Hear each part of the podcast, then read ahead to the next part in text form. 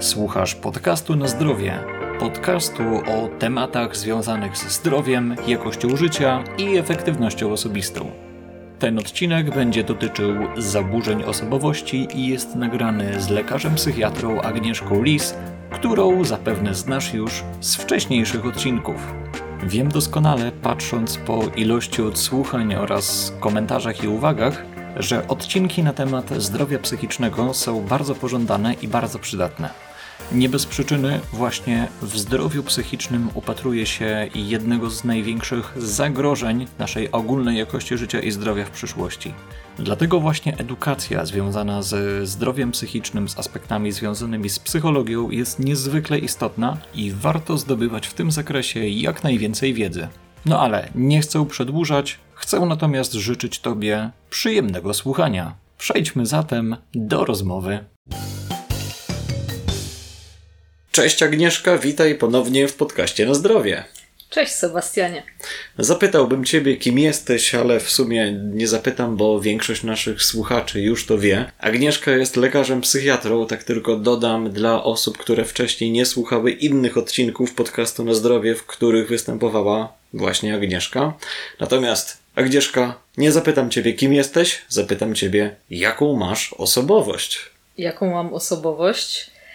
Ja myślę, żeby w ogóle móc posługiwać się tym terminem, powinniśmy wyjść z definicji. Nie wiem, czy do końca nasi słuchacze wiedzą, czym jest osobowość. A ty, Sebastianie, wiesz, co to jest? Osobowość. Mi się po prostu to kojarzy z tym, jaka dana osoba jest, jak ją postrzegają, odbierają inni, czyli po prostu tak jakby sposób jej zachowania wśród innych ludzi, w nawiązaniu do innych ludzi, w interakcjach z innymi. Jak to się ma do tej książkowej definicji? Masz dużo racji w tym, co powiedziałeś, w dość prosty sposób i zrozumiały. Ja bym powiedziała, że osobowość to jest coś, co nas określa, rozróżnia od innych, czyli w zasadzie coś, co decyduje o tym, jakimi jesteśmy ludźmi. Często spotykamy się z takim określeniem, że ten to ma charakter, ten to ma osobowość, a ten to nie ma charakteru. Natomiast trzeba wziąć pod uwagę to, że każdy z nas ma osobowość i każdy z nas ma charakter. Natomiast nie są to tożsame pojęcia. Bo zgodnie z definicją książkową, charakter to są takie cechy, które są nabywane w trakcie wychowania.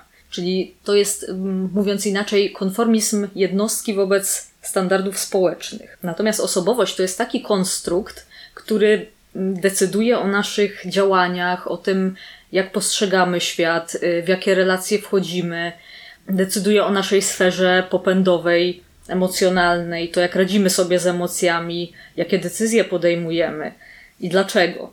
No to skoro już wiemy, czym jest osobowość, to jaką masz osobowość? Usłyszałam kiedyś dobrą definicję od mojej koleżanki psycholog, e, która mm, stwierdziła, że każdy z nas może mieć e, jakąś cząstkę.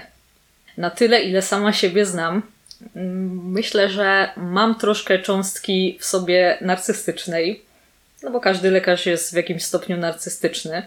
No to świadczy też o pewności siebie, umiejętności podejmowania decyzji, e, bycia dyrektywnym, w pewnym sensie każdy z nas ma pewną jakąś cząstkę narcystyczną. Myślę, że odrobinę chwiejnej emocjonalnie również, bo to decyduje o tym, że nie jestem taka do końca poukładana. Czasem, czasem lubię sobie wprowadzić w życiu troszkę chaosu. Czasami sprawiam wrażenie osoby anankastycznej, czyli takiej poukładanej, która lubi schematy, która lubi uporządkowanie. Natomiast tak nie do końca jest.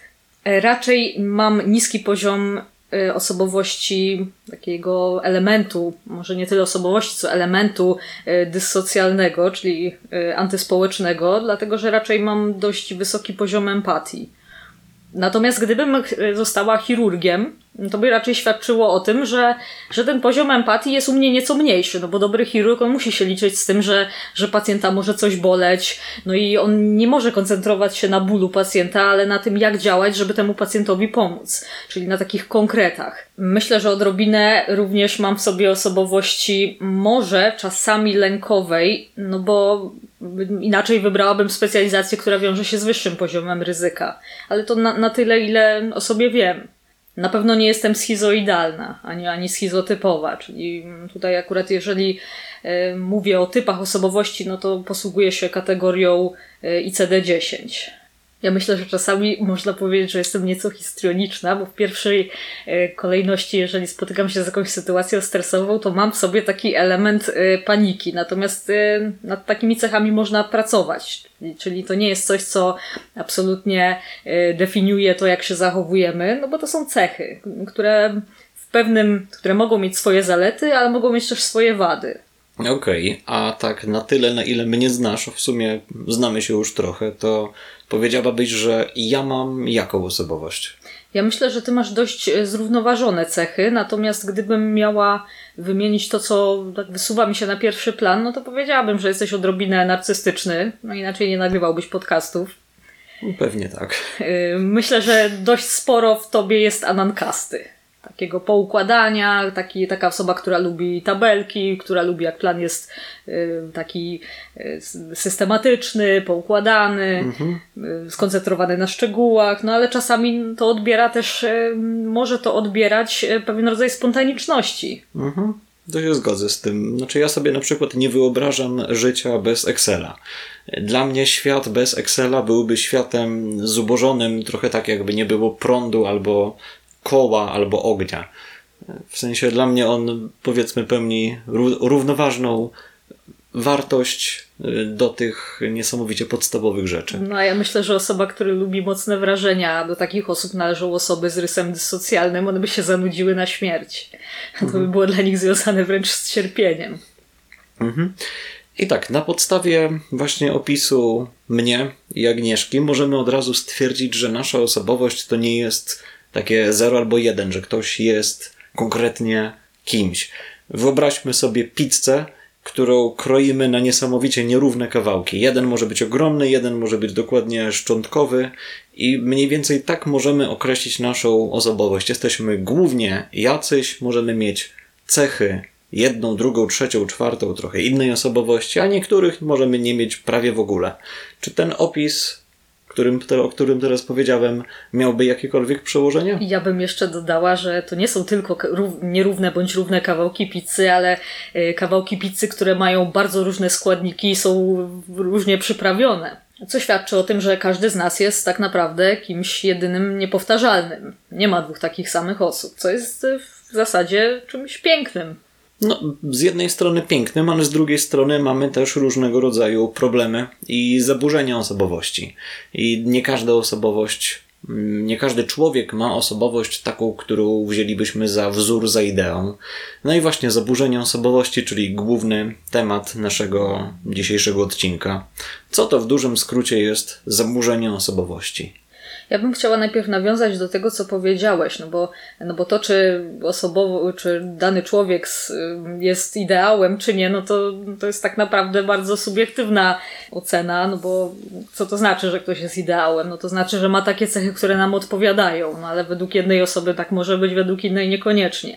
Natomiast y, głównie skupiłabym się na tym, że o ile każdy z nas ma osobowość, no to nie każdy ma zaburzenie osobowości, czyli zaburzenie osobowości jest czymś patologicznym, y, co wiąże się ze źródłem cierpienia. Ale ja myślę, że wróćmy jeszcze do jednej rzeczy, która jest często mylona, czyli poza osobowością i charakterem, y, jest jeszcze takie pojęcie jak temperament.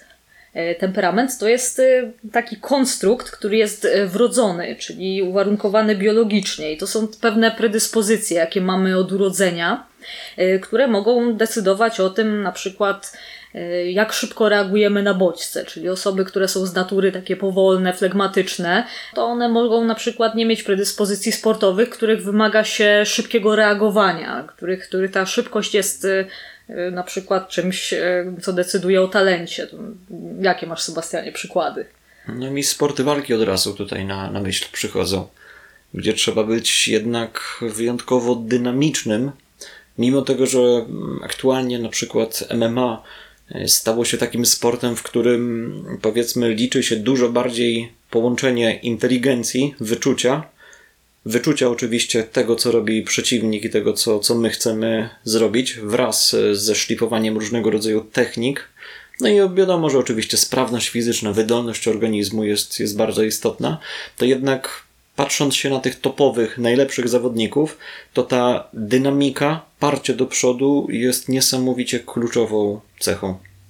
I trzeba jeszcze podkreślić, że taki rodzaj sportu będzie sprawiał przyjemność, czyli on będzie tym, co pozwala się wyżyć, mówiąc kolokwialnie. E, natomiast osoby, które są powolne, no, flegmatyczne, bo to widać już od razu u dzieci, czyli dziecko, które jest z natury spokojne, no na przykład bierze klocek, ogląda jedną stronę, potem przekłada na drugą stronę i tak przez pół godziny. No i na to nie mamy za bardzo wpływu, tego nie zmienimy. I takie osoby, jeżeli by uprawiały sport, no to gdzie mogłoby się na przykład odnaleźć? Ja myślę, że na przykład wspinaczka byłaby tutaj dość ciekawą opcją, bo to jest powolne, skoncentrowane na punkcie, na obiekcie, gdzie trzeba się skupić na, na tym, gdzie postawimy rękę, nogę, skoncentrować. Nie ma tam raczej zbyt wiele dynamiki. No chyba, że mówimy o tej wspinaczce sportowej olimpijskiej, no to wiadomo, że jest to co innego. No mi przyszło do głowy akurat podnoszenie ciężarów, ale takie czysto siłowe, gdzie trzeba się skupić na technice, e, ruch jest powolny, statyczny, e, no i w zasadzie no, wymaga, e, no, buduje się jakąś umiejętność, natomiast on nie, nie, nie sprawia takiej frajdy pod kątem rywalizacyjnym, kto szybszy, kto, kto pod tym kątem, kto jest lepszy. Mhm.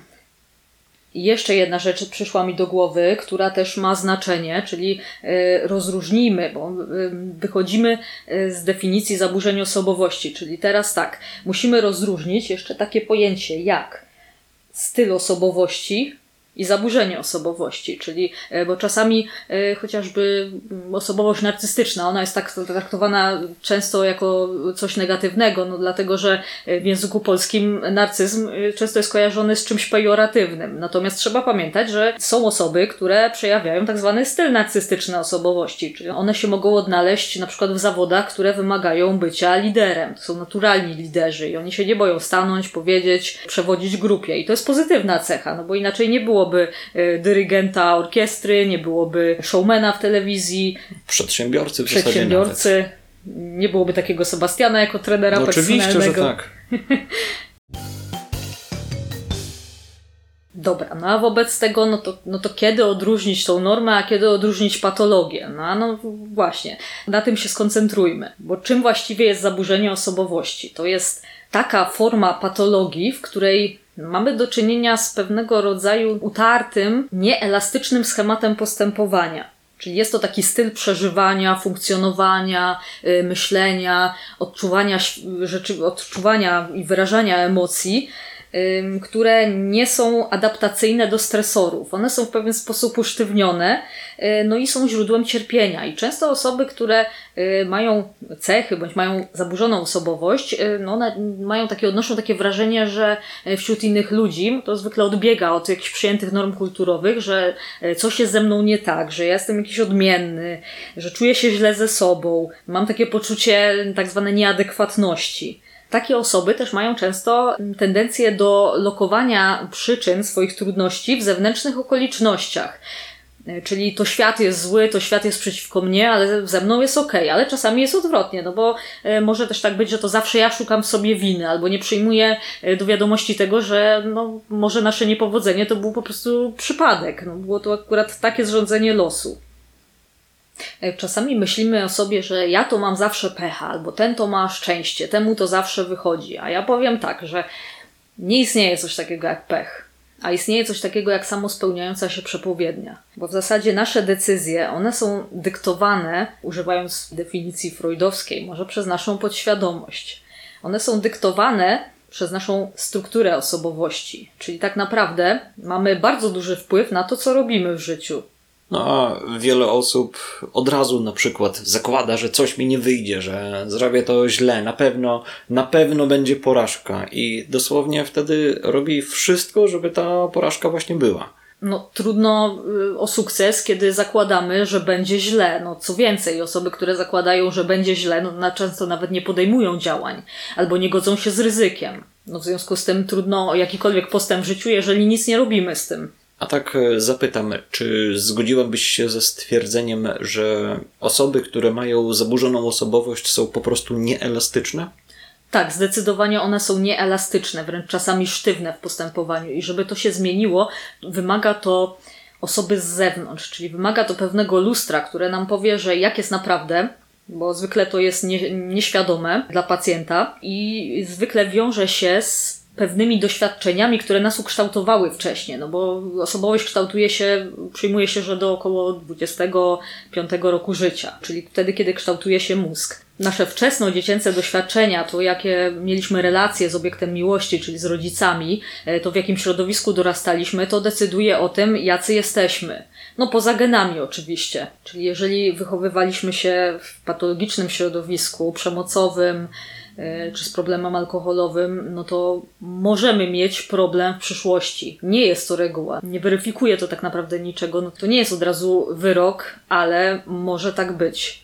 Czy żeby rozpoznać, że mamy zaburzoną osobowość, możemy to zrobić jakoś sami, czy jednak potrzebujemy pomocy kogoś z zewnątrz zawsze? To zależy od osobowości, bo część osób, które czuje się ze sobą źle, zwykle zgłasza się po pomoc. Czasami po pomoc zgłasza się dopiero, kiedy sytuacja jest dramatyczna, czyli w kryzysie, y, kiedy ma depresję, czyli kiedy kiedy tak naprawdę ma jakieś zaburzenie, które jest konsekwencją różnych decyzji, które podejmują takie osoby, czy tych negatywnych głównie konsekwencji, czyli mogą to być problemy w relacjach, y, może to być depresja, może to być zaburzenie lękowe, może to być y, używanie substancji psychoaktywnych, czyli y, tak naprawdę zwykle z tym problemem przychodzą osoby, ale czasami jest też tak, że takie osoby czują się dobrze ze sobą, ale ich otoczenie nie czuje się dobrze. I z tego wynikają różne problemy. I dopiero wtedy można podjąć pewną refleksję nad sobą.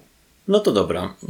Podjęliśmy refleksję, na przykład z jakiegoś powodu zauważyliśmy, że może coś być z nami nie tak, może ktoś nam o tym powiedział, może ktoś właśnie znajomy, albo różni znajomi zwracają nam często uwagę na podobną wadę, na podobne niestosowne zachowanie, które mamy. Weszliśmy do, do internetu, wpisaliśmy w wyszukiwarce internetowej właśnie te objawy, które mamy i wyskoczyła nam lista z różnymi zaburzeniami osobowości, innymi problemami. Co z tym dalej możemy zrobić? Ja bym najpierw zaczęła od tego, że bardzo rzadko osoby same siebie diagnozują w kategoriach osobowościowych, że one zwykle przychodzą z problemem, ale czasami nie do końca wiedzą, gdzie jest ten problem. Czyli diagnoza wynika z obserwacji pacjenta, no bo to, co widzimy na pierwszym planie, no to najczęściej jest jakieś współistniejące zaburzenie, czyli ta osoba przychodzi z problemem. Czasami jest tak, że przychodzi i mówi, że się źle czuje, no ale tak do końca nie wie dlaczego. Ale sam fakt, że przychodzi do nas, świadczy o tym, że ten problem jest, tylko ona nie do końca wie, gdzie jest źródło. I jak często przychodzą do ciebie takie osoby, które właśnie, u których ty możesz stwierdzić jakieś zaburzenie osobowości? To jest bardzo trudne pytanie, dlatego że gdybym miała posłużyć się taką subiektywną oceną, powiedziałabym, że często, natomiast y, część pacjentów przychodzi czasami tylko raz, więc ja nie jestem w stanie określić, czy ich problem jest wyłącznie osobowościowy, czy oni się jawią jako osoby z, z jakimś problemem y, chorobowym. Czasami nie jest to takie proste do rozróżnienia, natomiast tak przyjmuje się, że w populacji y, przynajmniej raz w życiu około 10 do 13% osób e, przejawia jakieś cechy zaburzeń osobowości. I z takich pacjentów, którzy są leczeni ambulatoryjnie, to jest około 5 do 8%, e, zaś hospitalizacje, tutaj jest to nie do końca precyzyjnie określone, to jest około 7 nawet do 50% pacjentów. I w jaki sposób dokonujesz diagnozy u takiej osoby? Diagnoza zaburzeń osobowości to jest głównie diagnoza psychologiczna, bo my możemy, psychiatrzy głównie zajmują się e, diagnozowaniem poszczególnych jednostek chorobowych, czyli zgodnie z klasyfikacją aktualnie obowiązującą jeszcze w Polsce ICD-10. Do roli psychiatry należy oczywiście, jeszcze o tym nie wspomniałam, rozróżnić e, zaburzenie osobowości, które jest wynikiem niekształtowania osoby przez czynniki wychowawcze, psychologiczne, ale chociażby przez e, kwestie organiczne. Ma to odmienne e, umiejscowienie w klasyfikacji, czyli na przykład zaburzenia związane z uszkodzeniem mózgu, z chorobą somatyczną, y, czy też zmiana osobowości po katastrofach, tak zwana. Czyli to jest troszkę, troszkę coś innego. Y, natomiast taka pełna diagnoza psychologiczna nie jest to prosta sprawa. Nie da się zdiagnozować w pełni psychologicznie w 20 minut. Zresztą podobnie w psychiatrii. Najczęściej pierwsze wizyty psychiatryczne są diagnostyczne, czyli poza tym, poza wywiadem z pacjentem, rozmową, istotna jest też obserwacja pacjenta. E, tego, jak się zachowuje, jak reaguje. Natomiast diagnoza psychologiczna pełna, ona się opiera na może się opierać na y, kwestionariuszach osobowości, takich jak na przykład y, kwestionariusz taki bardzo szczegółowy, rozbudowany MMPI-2, tak zwany, y, czy też inne, na przykład kwestionariusz SCID. Diagnoza psychologiczna, ona się też opiera na obserwacji, na dokładnym wywiadzie obejmującym życiorys. Też co jest istotne, bo zaburzenia osobowości, one najczęściej mają początek we wczesnej młodości, czyli to nie jest coś, co dzieje się z dnia na dzień, co dzieje się z miesiąca na miesiąc, tylko jest to kwestia, z reguły ten początek nie jest sprecyzowany. Czasami w psychologii też używa się technik projekcyjnych, czasami y, można sugerować się tak zwaną metodą wolnych skojarzeń i innych narzędzi. I co z tych kwestionariuszy albo z diagnozy od na przykład psychologa, psychiatry może wyjść? Czyli jakie mamy typy zaburzeń osobowości? Y, czasami psychiatrzy dzielą typy zaburzeń osobowości na tak zwane wiązki, czyli wiązka A, wiązka B i wiązka C. Y, do wiązki A należą paranoiczne, należy paranoiczne zaburzenie osobowości, schizoidalne zaburzenie osobowości schizotypowe zaburzenie osobowości. Wiązka B to jest y, antyspołeczne, borderline, czyli chwiejne emocjonalnie bądź graniczne, bo borderline dzieli się na, na dwa typy. E, histrioniczne i narcystyczne. Do wiązki C należy e, unikowe, anankastyczne i zależne zaburzenie osobowości. Wiązkę A e, głównie cechuje zachowania, które, które wiążą się z ekscentrycznością, dziwacznością w porównaniu do populacji. Wiązka B no to są osoby, które cechują się taką nadmierną emocjonalnością i swego rodzaju teatralnością w zachowaniu. Natomiast wiązka C no to są osoby, których, które zwykle mają zachowania cechujące się nadmiernym lękiem, obawami, one się wiążą z deficytami poczucia bezpieczeństwa. I tak, jeżeli e, chodzi o klasyfikację ICD-10, tam możemy znaleźć e, konkretne typy, te, które wymieniłam, one są e, skategoryzowane, natomiast jeszcze istnieje taka kategoria jak mieszane zaburzenia osobowości, czyli osobowości, które nie spełniają konkretnych kryteriów poszczególnych typów, najczęściej ujawniają po prostu różne cechy. I dodam, że w zasadzie większość ludzi z zaburzeniami spełnia kryterium mieszanych zaburzeń. Takich czystych typów jest tak naprawdę mało w populacji. I jaka najczęściej występuje? Książkowo najczęstsze to osobowość dyssocjalna, borderline. Dużo jest też osobowości histrionicznej ale też osobowości zależnej. Te procenty one się różnią czasami od statystyk. Najrzadsza to osobowość schizoidalna. Wszystkie te nazwy, o których mówisz, brzmią z jednej strony tak znajomo, z drugiej strony poważnie, z trzeciej strony trochę przypominają opisy jakichś kryminalistów. Może byś powiedziała, czym się one charakteryzują, czyli jak możemy zdefiniować te poszczególne rodzaje? Od której zacząć? Od najlepszej, jaka jest. O Matko Boska. od najlepszej, jaka jest, ja bym powiedziała, że może od najtrudniejszej, która jest do leczenia. Okej. Okay. E, najtrudniejszą do leczenia, która w zasadzie nie poddaje się terapii, to jest czysty typ dysocjalny. Taki prawdziwy, rasowy psychopata. O takich osób jest mało, bo tak naprawdę każdy z nas jest w jakimś stopniu psychopatą, no więc y, zależy, dzisiaj przyjmuje się, w zasadzie aktualnie pogląd na psychopatię jest taki, że jest to pewne nasilenie cech, czyli taki rasowy psychopata, no to przyjmuje się, że to jest taka osoba, która, która ma w nosie y, reguły społeczne, ma w nosie przepisy, y, ma w nosie to, czy rani innych, to tak mówiąc kolokwialnie i taką jakby jej dewizą życia to jest zrobię co zechcę, kiedy zechcę. I to by się wydawać mogło, że to jest e, całkiem ciekawa cecha, tak? No bo w zasadzie mam wszystko w nosie, nie, nie interesuje mnie, co pomyślą o mnie inni. W zasadzie to nie przejmuję się konsekwencjami, natomiast w praktyce e, trzeba brać pod uwagę to, że to się najczęściej wiąże z subiektywnym cierpieniem, no bo osoba z antyspołecznym zaburzeniem osobowości, ona jest bardzo emocjonalna, ma niski próg wyzwalania złości, czyli bardzo dużo rzeczy może irytować, jest niski próg tolerancji, w ogóle frustracji, ale też ona z reguły jest niedostymulowana, czyli potrzebuje silnych wrażeń, żeby cokolwiek poczuć. To się może wiązać z pewnymi um, uwarunkowaniami biologicznymi, czyli takie osoby, one no, tak mają po prostu. Różne są poglądy na ten temat. Ja już nie chcę się zagłębiać e, całkowicie w teorię, natomiast e, dlaczego to jest nieprzystosowawcze? No bo takie osoby, one często popełniają przestępstwa i trafiają za to do więzienia. I e, co więcej, takie osoby nie uczą się, nie są w stanie wynosić wniosków z konsekwencji swoich zachowań. Mi się nie podoba jedna rzecz teraz, która, która jest taka dość e, popularna w mediach, czyli e, że osoba socjalna to to jest tak, taki charakter, który odnosi sukcesy, no bo on jest e, na szczycie władzy, no bo to są takie osoby, które nie boją się, bo co więcej, nie odczuwają lęku, one mają deficyt lęku, no to w związku z tym no, mogą odnosić różne sukcesy, czy w polityce, czy w biznesie.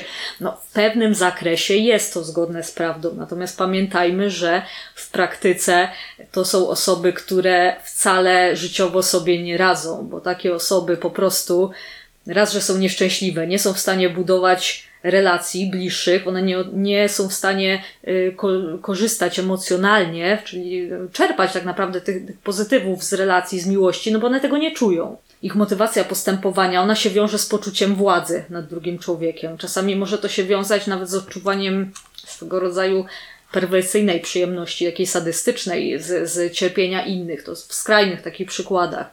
E, no bo mm, gdybyśmy poszukali e, takiego rasowego, prawdziwego psychopaty w więzieniu, no to to będzie osoba, która zabiła człowieka. To są takie osoby, które jak spotkamy ich na ulicy, e, no to lepiej oddać im telefon komórkowy i nie próbować z nimi dyskutować albo uciekać.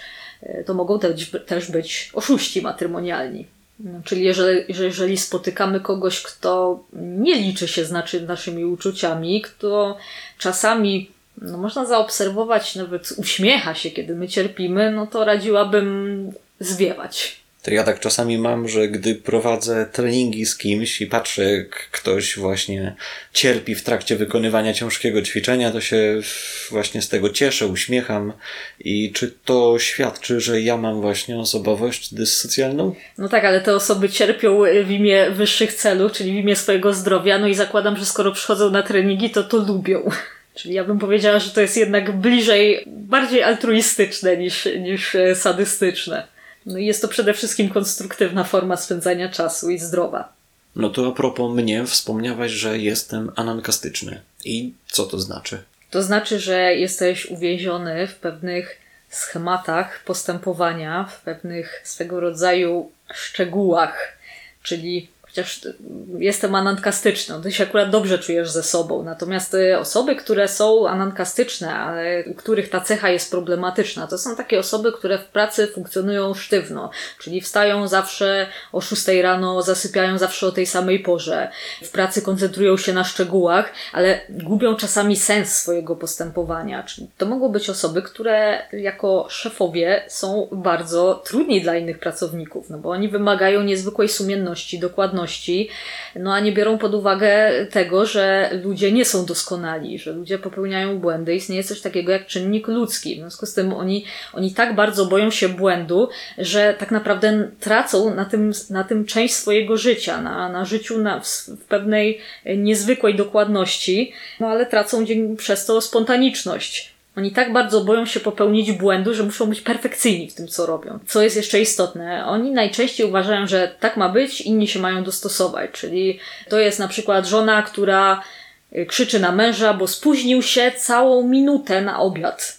Czyli mottem, takim dewizą życiową, która, która by pasowała do osobowości anankastycznej, a swoją drogą inaczej, obsesyjno-kompulsyjnej, no to jest po prostu nie chce popełnić błędu to skoro ja jestem raczej taką osobą, która e, nie ma, nie przesadza na tym punkcie, jest w miarę elastyczna, ale nie do końca, która powiedzmy, że nie ma takich zaawansowanych z tym problemów, to raczej ja nie mam zaburzenia tego typu.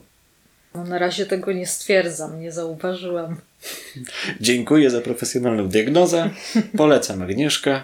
No ale przejdźmy do opisu kolejnych rodzajów osobowości. Może zależna osobowość. No pewnie. Często spotykana w poradni, często wiąże się z zaburzeniami depresyjnymi. To jest taka osoba, która, której można by było powiedzieć, że taką myślą przewodnią, która by określała ten typ, no to jest chroń mnie, opiekuj się mną. To są takie osoby, które nie potrafią podejmować samodzielnych decyzji. Najczęściej przez całe życie ktoś robi coś za nich. Czyli e, w zasadzie one są w stanie poświęcić swój komfort życia po to, żeby czuć się bezpiecznie. E, no i ma to swoją cenę, no bo jeżeli ktoś za nas podejmuje decyzje, no to niekoniecznie te decyzje, te wybory mogą być zgodne z nami. Natomiast zapewniają bezpieczeństwo, no bo uwalniają od odpowiedzialności. Częściej w praktyce są to kobiety na oddziałach. Czasami może to być taka kobieta, która, której tak nie, nie do końca widać, nie słychać w grupie, ona jest raczej taka wyciszona, nie sprawia problemów, e, no ale jakby dacie jej jakieś odpowiedzialne zadanie, no to ona by sobie nie poradziła. Może to być osoba, która jakoś funkcjonuje przez 30 e, lat, 40 lat swojego życia, no ale w pewnym momencie trafia na przykład z ciężkim epizodem depresyjnym, no bo widzi, że czegoś jej brakuje w życiu, bo na przykład yy, syn Y, nie może znaleźć żony, dlatego że każda partnerka nie odpowiada jego matce, a on się przede wszystkim liczy z jej zdaniem, czyli sam nie potrafi podjąć decyzji, czy, czy odejść, czy zostać, jakich dokonać wyborów.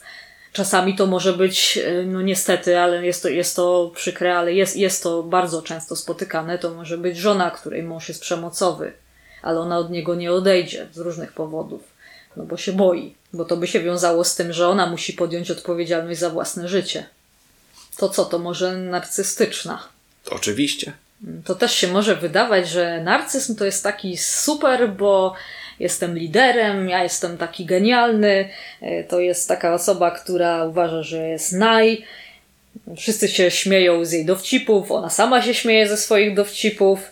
E, natomiast trzeba wziąć pod uwagę, że tak naprawdę narcyz to jest w środku nieszczęśliwy. No bo dlaczego? Dlatego, że on ma takie poczucie, że jego wartość jest zależna od tego, nie tego kim jest, ale tego co robi, e, czyli jakich sukcesów dokonuje. No i to póki ma te sukcesy, póki zajmuje pozycję społeczną, e, póki jest najlepszy, póki jest czymś dobry, no to czuje się dobrze, ale jeżeli coś pójdzie nie tak, no to jego wartość w jego mniemaniu rozpada się na kawałki. To może mieć też y, źródło w problemach w relacjach, no bo narcyz to jest taka osoba, która nie liczy się ze zdaniem innych, nie liczy się ze zdaniem partnerki, partnera. Te relacje są między nimi powierzchowne. Może wykorzystywać ludzi do swoich y, celów, czyli traktować ich instrumentalnie, no i może być taki moment, że w końcu zorientuje się, dlaczego ludzie go uni zaczynają unikać, czyli na przykład nie chcą z nim współpracować takim, taką dewizą często narcystyczną jest, to jest mój rozkaz jest twoim życzeniem. To jest takie ładne zdanie, które to obrazuje. Czasami jak dla osób zainteresowanych, to jest popularne, enneagramem, no to takim przykładem skrajnym, no to byłaby na przykład trójka albo ósemka, to się wiąże. E, no często narcyzm wiąże się też w pewnym stopniu z psychopatią. No to którą jeszcze bierzemy teraz na celownik? A jakie mamy do wyboru? No, została nam wiązka A, została nam histrioniczna, borderline. Może histrioniczną weźmy, jak już jesteśmy przy wiązce. B, czyli gwiazdorzy histrioniczna. To jest taka skoncentrowana na sobie i taka, która to są urodzeni gwiazdorzy, którzy e, chcą, żeby wszyscy na nich koncentrowali swoją uwagę. To jest taka przesadna ekspresja emocji, czasami może to być kojarzone z histerią, która wiąże się no, z przeżywaniem silnych afektów, niestety również negatywnych. Y, to mogą być, bo to często jest skojarzone z kobietami i słusznie, to mogą być takie kobiety, które podświadomie są y, podświadomie uwodzą, a nie do końca z tego wynikają różne pozytywne dla nich rzeczy. Dobra, to już w zasadzie związki B została nam taka dość popularna medialnie również w internecie osobowość borderline, czyli najczęściej kobiety, Często osobowość jest diagnozowana przez partnerów wobec swoich partnerek, natomiast weźmy pod uwagę to, że kobiety są z natury bardziej emocjonalne niż mężczyźni, e, częściej się śmieją, częściej przeżywają smutki i one są bardziej intensywne. No, to nie świadczy o tym, że od razu, że mają osobowość chwiejną emocjonalnie. Natomiast e, czym jest osobowość borderline? Jest to bardzo ciężkie zaburzenie, taki czysty typ, związana z bardzo dużym cierpieniem. Może to być to, co się wysuwa na główny plan, to jest e, szukanie swojej tożsamości, czyli ja nie jestem taką osobą, jaką w środku odczuwam, tylko szukam swojej tożsamości na zewnątrz, czyli tym, jak się odbijam, jak w jakimś lustrze w innych osobach. To jest e, podejmowanie ryzykownych zachowań. To są na przykład e, ryzykowne relacje seksualne, szybka jazda samochodem, sięganie po narkotyki, to jest wysoki poziom impulsywności, bo osoba, która ma zaburzenie typu borderline, przeżywa bardzo silne afekty, bardzo silne napięcie, które nie jest w stanie rozładować. E, najbardziej takim dramatycznym przykładem no, rozładowywania, radzenia sobie z trudnymi emocjami, no to są, to jest dokonywanie samookaleczeń, e, to są niestety próby samobójcze pod wpływem impulsu, czyli pacjenci borderline, oni są bardzo często pacjentami hospitalizowanymi po próbach samobójczych.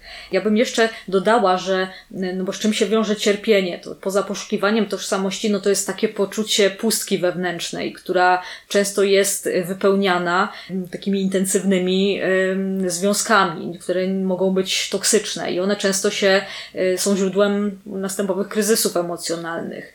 Y, to jest też niekontrolowanie złości, y, to są wybuchy agresji, których partner może w ogóle nie, no nie znieść tak na dłuższą metę i one mogą doprowadzić takiego zdrowego partnera, no nie powiem faceta, bo również działa to w drugą stronę, do, do prawdziwej, do prawdziwego kryzysu psychicznego. I takim przykładem, który mi się nasuwa z wykładów jeszcze z czasów studiów, to jest borderline, to jest taka kobieta, która jakby tak e, wyobrazić sobie parking, w jaki sposób ta kobieta parkuje, e, no to to jest e, ta kobieta, która wjechała z całym impetem w samochód swojego byłego partnera, żeby się na nim zemścić jakby tak porównać do osobowości anankastycznej, no to osobowość anankastyczna by parkowała przez 5 godzin, żeby ten sposób parkowania był idealny, czyli co do linii, idealnie symetryczny, e, no kosztem, e, już by dawno to centrum handlowe zamknęli. No to już wiązkę B mamy za sobą, została nam osobowość unikowa. I czego unika taka osoba? Czego unika? Wszystkiego unika. Natomiast ona się wiąże, ona jest troszkę podobna do ankastycznej osobowości e, czy zależnej, no, wiąże się z deficytami poczucia bezpieczeństwa, czyli e, takiej niechęci do wchodzenia w bliższe relacje, nadmiernej obawy e, o, o ocenę innych, obawy o odrzucenie. To jest taka koncentracja, że wszyscy na mnie zwracają uwagę, mogą źle ocenić. To jest też takie bardzo przykre uczucie stałego napięcia i niepokoju, czyli nie korzystam z potencjału mojego życia, no bo się boję. Takim hasłem przewodnim, no to by było, że chcę, żebyś mnie polubił, ale wiem, że mnie nienawidzisz. Czyli dla takich osób e, krytyka jest bardzo bolesna. No i została nam najbardziej dziwaczna wiązka A, czyli osobowości paranoiczna, schizoidalna i schizotypowa. Osobowość paranoiczna wyczerpuje emocjonalnie paranoika, dlatego że myślą przewodnią takiej osoby to jest nie ufaj nikomu, czyli wszyscy mogą chcieć mnie skrzywdzić, wszyscy są podejrzani, czyli jestem przewrażliwiony na swoim punkcie, bo oni mogliby zaszkodzić. No i to wiąże się najczęściej z emocjonalną złością wobec całego świata. No bo pomyśl, jak bardzo to musi być wyczerpujące, kiedy koncentrujesz się na tym, że cały świat chce cię skrzywdzić knuje przeciwko tobie. No i niestety co się łączy z osobowością paranoiczną, no bo o ile osobowość fejna emocjonalnie, ona z reguły z wiekiem blednie, czyli to nasilenie objawów ono, ono jest mniejsze, no to niestety w przypadku osobowości paranoicznej z wiekiem te cechy mogą się zaostrzyć, czyli często spotyka się u paranoika, no chociażby nadmierną, patologiczną zazdrość o partnera. Czasami nawet może to dochodzić do urojeniowości czy tak zwane urojenia niewierności. Niestety to się bardzo ciężko leczy. No to weźmy pod lupę schizoidalną osobowość, czyli wiązkę A. Możesz pukać, ale nikogo nie zastaniesz. To są takie osoby, które nie są zainteresowane zarówno pochwałami, jak i krytyką. E, mają taką ograniczoną zdolność do, do ciepłych uczuć, do, do gniewu, w ogóle do, nie, są, nie są bardzo emocjonalne, czyli zwykle są chłodne, e, preferują samotnictwo, nie są zainteresowane zawodami, które wiążą się z kontaktami z innymi ludźmi.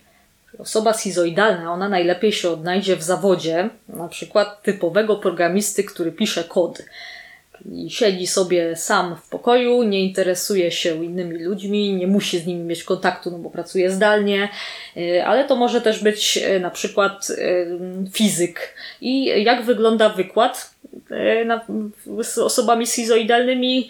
Wykładowca prowadzi równanie, wszyscy piszą, jedynie odzywają się, żeby poprawić błąd, który pojawił się na tablicy. I to jest tyle. I ostatnia, ta podobnie brzmiąca, schizotypowa, to jest Jestem dziwaczny, inny, obcy. Ona jest najbardziej zagadkowa. Osoba schizotypowa, y, ona w jaki sposób mogłaby zaparkować? Ona nie zaparkuje samochodem na parkingu, tylko przyleci statkiem kosmicznym. Czasami osoby schizotypowe mogą nawet y, ujawniać cechy, które kojarzą się ze schizofrenią. Znamy już w takim razie różne rodzaje tych osobowości, które wymieniłaś, tylko mnie i zapewne też naszych słuchaczy będzie nadal nurtować to, kiedy możemy powiedzieć, że ktoś po prostu taki jest, a kiedy mamy do czynienia już z zaburzeniem, które dobrze by było leczyć. Jak to rozróżnić? Gdzie jest ta granica? W dużym uproszczeniu możemy stwierdzić, kiedy są y, spełnione kryteria, czyli przykładowo w przypadku antyspołecznego zaburzenia osobowości, no to pacjent spełnia minimum trzy kryteria y, wymienione w ICD-10. Natomiast w praktyce klinicysta potrafi bez takiego książkowego wymieniania kryteriów y, poznać, z jakim typem osobowości ma do czynienia, no chociażby na podstawie tego, jak pacjent zachowuje się w gabinecie, na podstawie wywiadu, y, no czy też nawet tego, jak czujemy się w obecności pacjenta jakie motywy e, kierują pacjentem. To jest istotne, czyli to jest coś, co odróżnia, nawet jeżeli te cechy są podobne, to to odróżnia e, od siebie różne typy. Załóżmy, że dana osoba została już sklasyfikowana, że no niestety ma to zaburzenie osobowości. W jaki sposób podejmujemy się leczenia? Leczeniem przyczynowym i głównym zaburzeń osobowości jest psychoterapia. E, natomiast jeżeli u pacjenta współistnieje inne zaburzenie, no to najpierw zajmujemy się tym, co jest na wierzchu, czyli leczymy zaburzenie lękowe, depresyjne, uzależnienie od e, substancji psychoaktywnych i to możemy leczyć farmakologicznie. Natomiast leczeniem przyczynowym, czyli które prowadzi do no, likwidacji źródła problemu, czyli nawet restrukturyzacji osobowości, no to jest psychoterapia i ona no, niestety najczęściej trwa dłużej, minimum kilkanaście miesięcy, ale bywa i niestety wiele lat. I od czego to zależy? No, co decyduje o sukcesie leczenia? To jest na przykład wiek pacjenta. Młodsze osoby są bardziej plastyczne, elastyczne, one łatwiej poddają się terapii. Y, natomiast y, osoby starsze, no z reguły jest to trudniejsze, no chociażby dlatego, że one dłużej funkcjonują w, w mało elastycznie, tak w tych utartych schematach, czyli ma znaczenie częstotliwość sesji i jej trwałość, czyli żeby, żeby psychoterapia dawała efekty, e, zwłaszcza na początku, powinna odbywać się z dość dużą częstotliwością, czasami minimum raz na tydzień, czasami potrzeba i dwa razy w tygodniu. Potem ta częstotliwość sesji może być mniejsza, może to być raz na dwa tygodnie, e, podtrzymująco raz na miesiąc, e, no ale jednak ona, ona musi być często i tak naprawdę to pierwsze efekty, one są zauważalne po kilkunastu tygodniach, ale żeby mówić o trwałej zmianie, e, no to ten czas musi być dłuższy. Co ma znaczenie? Motywacja pacjenta, czyli nie można zmienić człowieka, jeżeli on tego nie chce Y, problemem takim często spotykanym w praktyce jest y, szukanie idealnego terapeuty, idealnego leczenia, czyli częste zmiany lekarzy, częste zmiany terapeutów. Y, one prowadzą do tego, że nie uczymy się relacji z drugim człowiekiem, no bo jeżeli uciekamy, albo szukamy tego ideału, no to tak naprawdę go nigdy nie znajdziemy. Czyli będzie to przekładało się na to, że szukamy idealnego partnera i go nie możemy znaleźć. To może oznaczać ucieczkę przed trudnymi emocjami i tak całe życie uciekamy i dlatego czujemy się źle. Czyli mówiąc inaczej, że prędzej czy później w terapii wyjdzie to, jak nawiązujemy relacje, jak je utrzymujemy, czy potrafimy to zrobić. No bo tak naprawdę z każdej terapii można wyciągnąć jakiś pozytyw. Czasami źródłem niepowodzenia może być lęk, czyli lęk przed zmianą. Ona się może wiązać z obawą przed ponoszeniem konsekwencji, no bo nie można żyć w sprzeczności, czyli mam same korzyści e, z danego zachowania, ale nie ponoszę konsekwencji.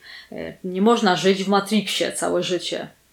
To się wiąże z pewnym wyborem, to się wiąże z konsekwencjami, niestety czasami przykrymi, jednak ta zmiana, nawet jeżeli ona będzie związana z chwilowym cierpieniem, no to przyniesie w długoterminowej perspektywie ulgę i poczucie bycia wolnym.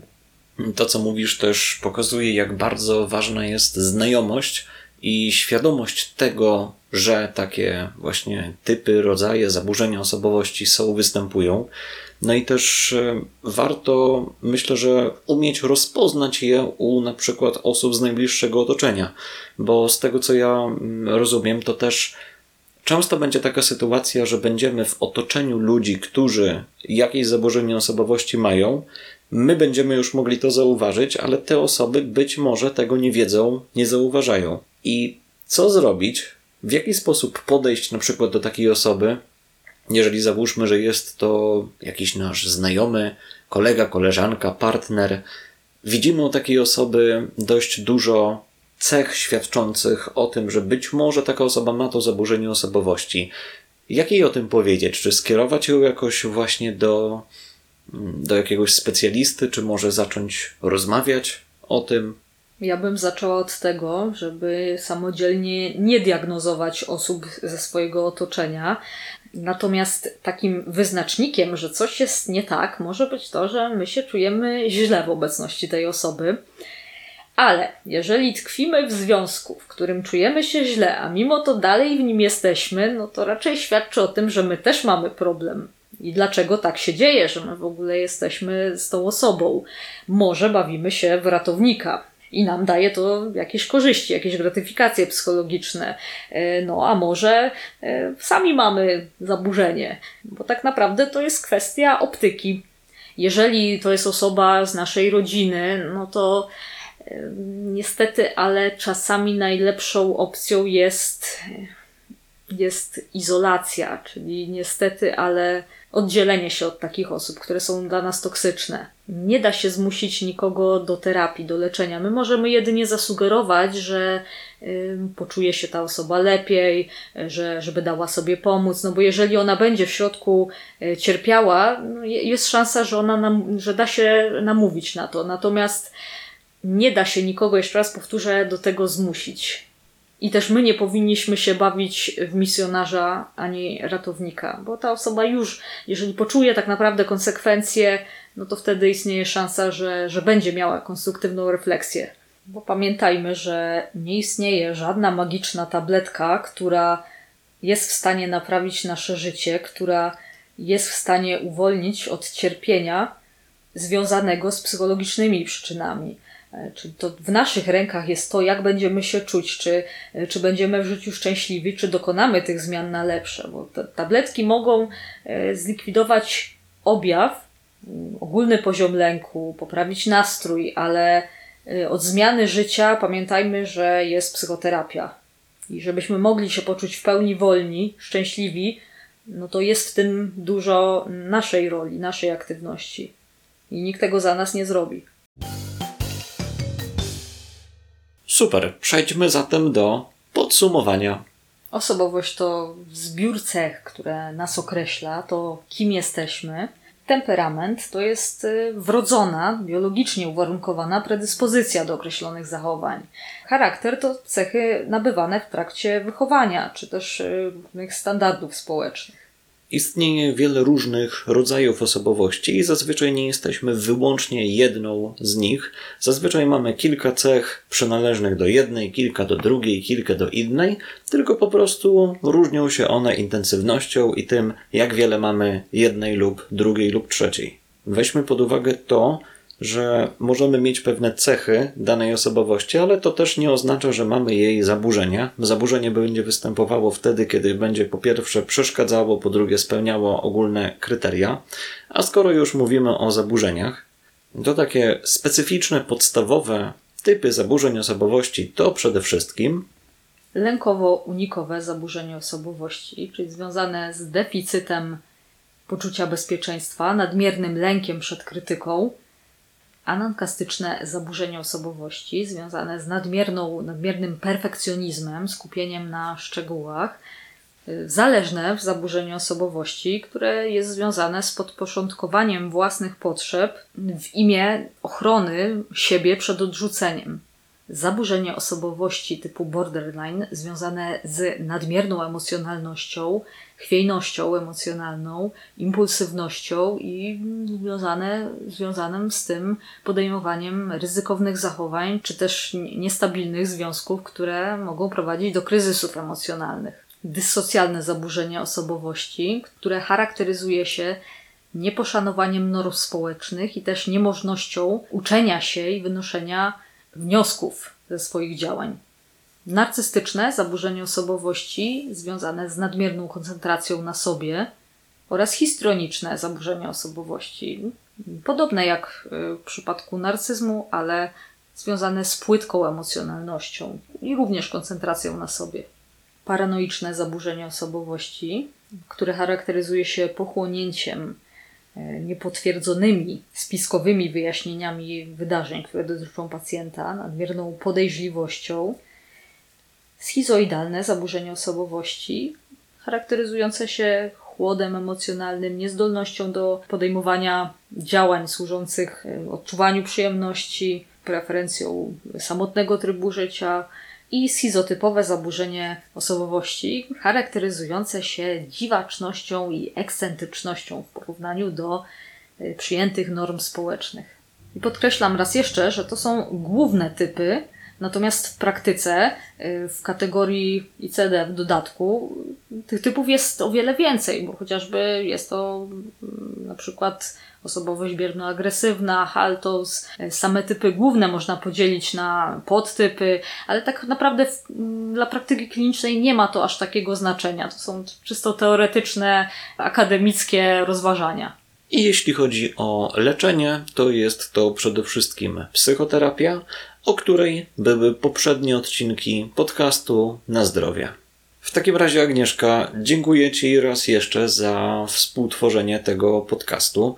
Dzielimy się wiedzą na temat zdrowia psychicznego, ponieważ no, zdrowie psychiczne jest też tym aspektem, który dotyka każdego z nas i to dotyka w bardzo dużym stopniu, tak samo jak zdrowie związane z fizycznością, czyli bardziej to, w którym ważne jest na przykład nasze odżywianie, czy też aktywność fizyczna.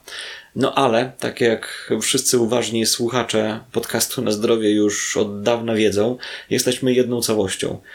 To nie jest tak, że możemy sobie podzielić zdrowie tak dokładnie na fizyczne, psychiczne i jakieś tam jeszcze. To wszystko się ze sobą łączy. Dlatego właśnie im więcej wiemy na temat tych typowo psychicznych rzeczy, tym lepiej po prostu będziemy się czuli w każdej dziedzinie związanej z naszym zdrowiem, co oczywiście wpłynie pozytywnie na jakość naszego życia. Dzięki Agnieszka i mam nadzieję, że do zgadania w kolejnym odcinku. A ja jeszcze dodam od siebie, że gorąco wszystkich zachęcam do podejmowania aktywności fizycznej, bo nie bez powodu stara Maksyma mówi, że sport kształtuje charakter, a ja powiem, że sport również kształtuje osobowość. Więc jeśli jeszcze tego nie robisz, to po prostu rusz się. Dzięki. Dzięki. I to by było wszystko, jeśli chodzi o ten odcinek podcastu. Dziękuję, że byłeś ze mną, że byłaś ze mną, że jesteś. Wiem doskonale, że pomiędzy tym a poprzednim odcinkiem minęło już trochę czasu i w poprzednim wspominałem o tym, że następny będzie dotyczył tematu związanego z finansami, ale ten temat jest bardzo, bardzo, bardzo, bardzo poważny i nie chciałem przygotować go w mało profesjonalny sposób. Scenariusz do odcinka na temat finansów jest już prawie gotowy ja w ostatnim czasie po prostu zdobywałem dużo wiedzy właśnie w tym zakresie, więc tego odcinka możesz spodziewać się niedługo. Zapewne, jeżeli słuchasz tego właśnie odcinka, na przykład w drugiej połowie 2022 roku, albo w 2023, 4, 5, być może w 2048 roku, to odcinek na temat finansów z pewnością jest już dostępny. W przyszłości, a dokładniej w najbliższych miesiącach i latach, z pewnością pojawi się wiele odcinków, no może nie aż tak wiele, ale przynajmniej kilka, w tematyce związanej z szeroko rozumianą prokrastynacją. Ponieważ to prokrastynacja jest tematem, jaki wybrałem w mojej pracy doktorskiej. Mówiąc innymi słowami, będę sprawdzał, w jaki sposób jest ona powiązana z naszym zdrowiem i jakością życia, a na bazie aktualnego researchu, na bazie tego, co wiem, ma ona niestety bardzo duże znaczenie dla naszego zdrowia i to niestety w sposób wyjątkowo negatywny. Chcę sprawdzić w jak bardzo negatywny sposób, no i oczywiście co możemy zrobić, aby naszą prokrastynację powstrzymać. Natomiast nie będę już teraz przedłużać i chcę życzyć Tobie wszystkiego najlepszego i powiedzieć standardowe do usłyszenia w kolejnym odcinku podcastu na zdrowie. Na razie, cześć!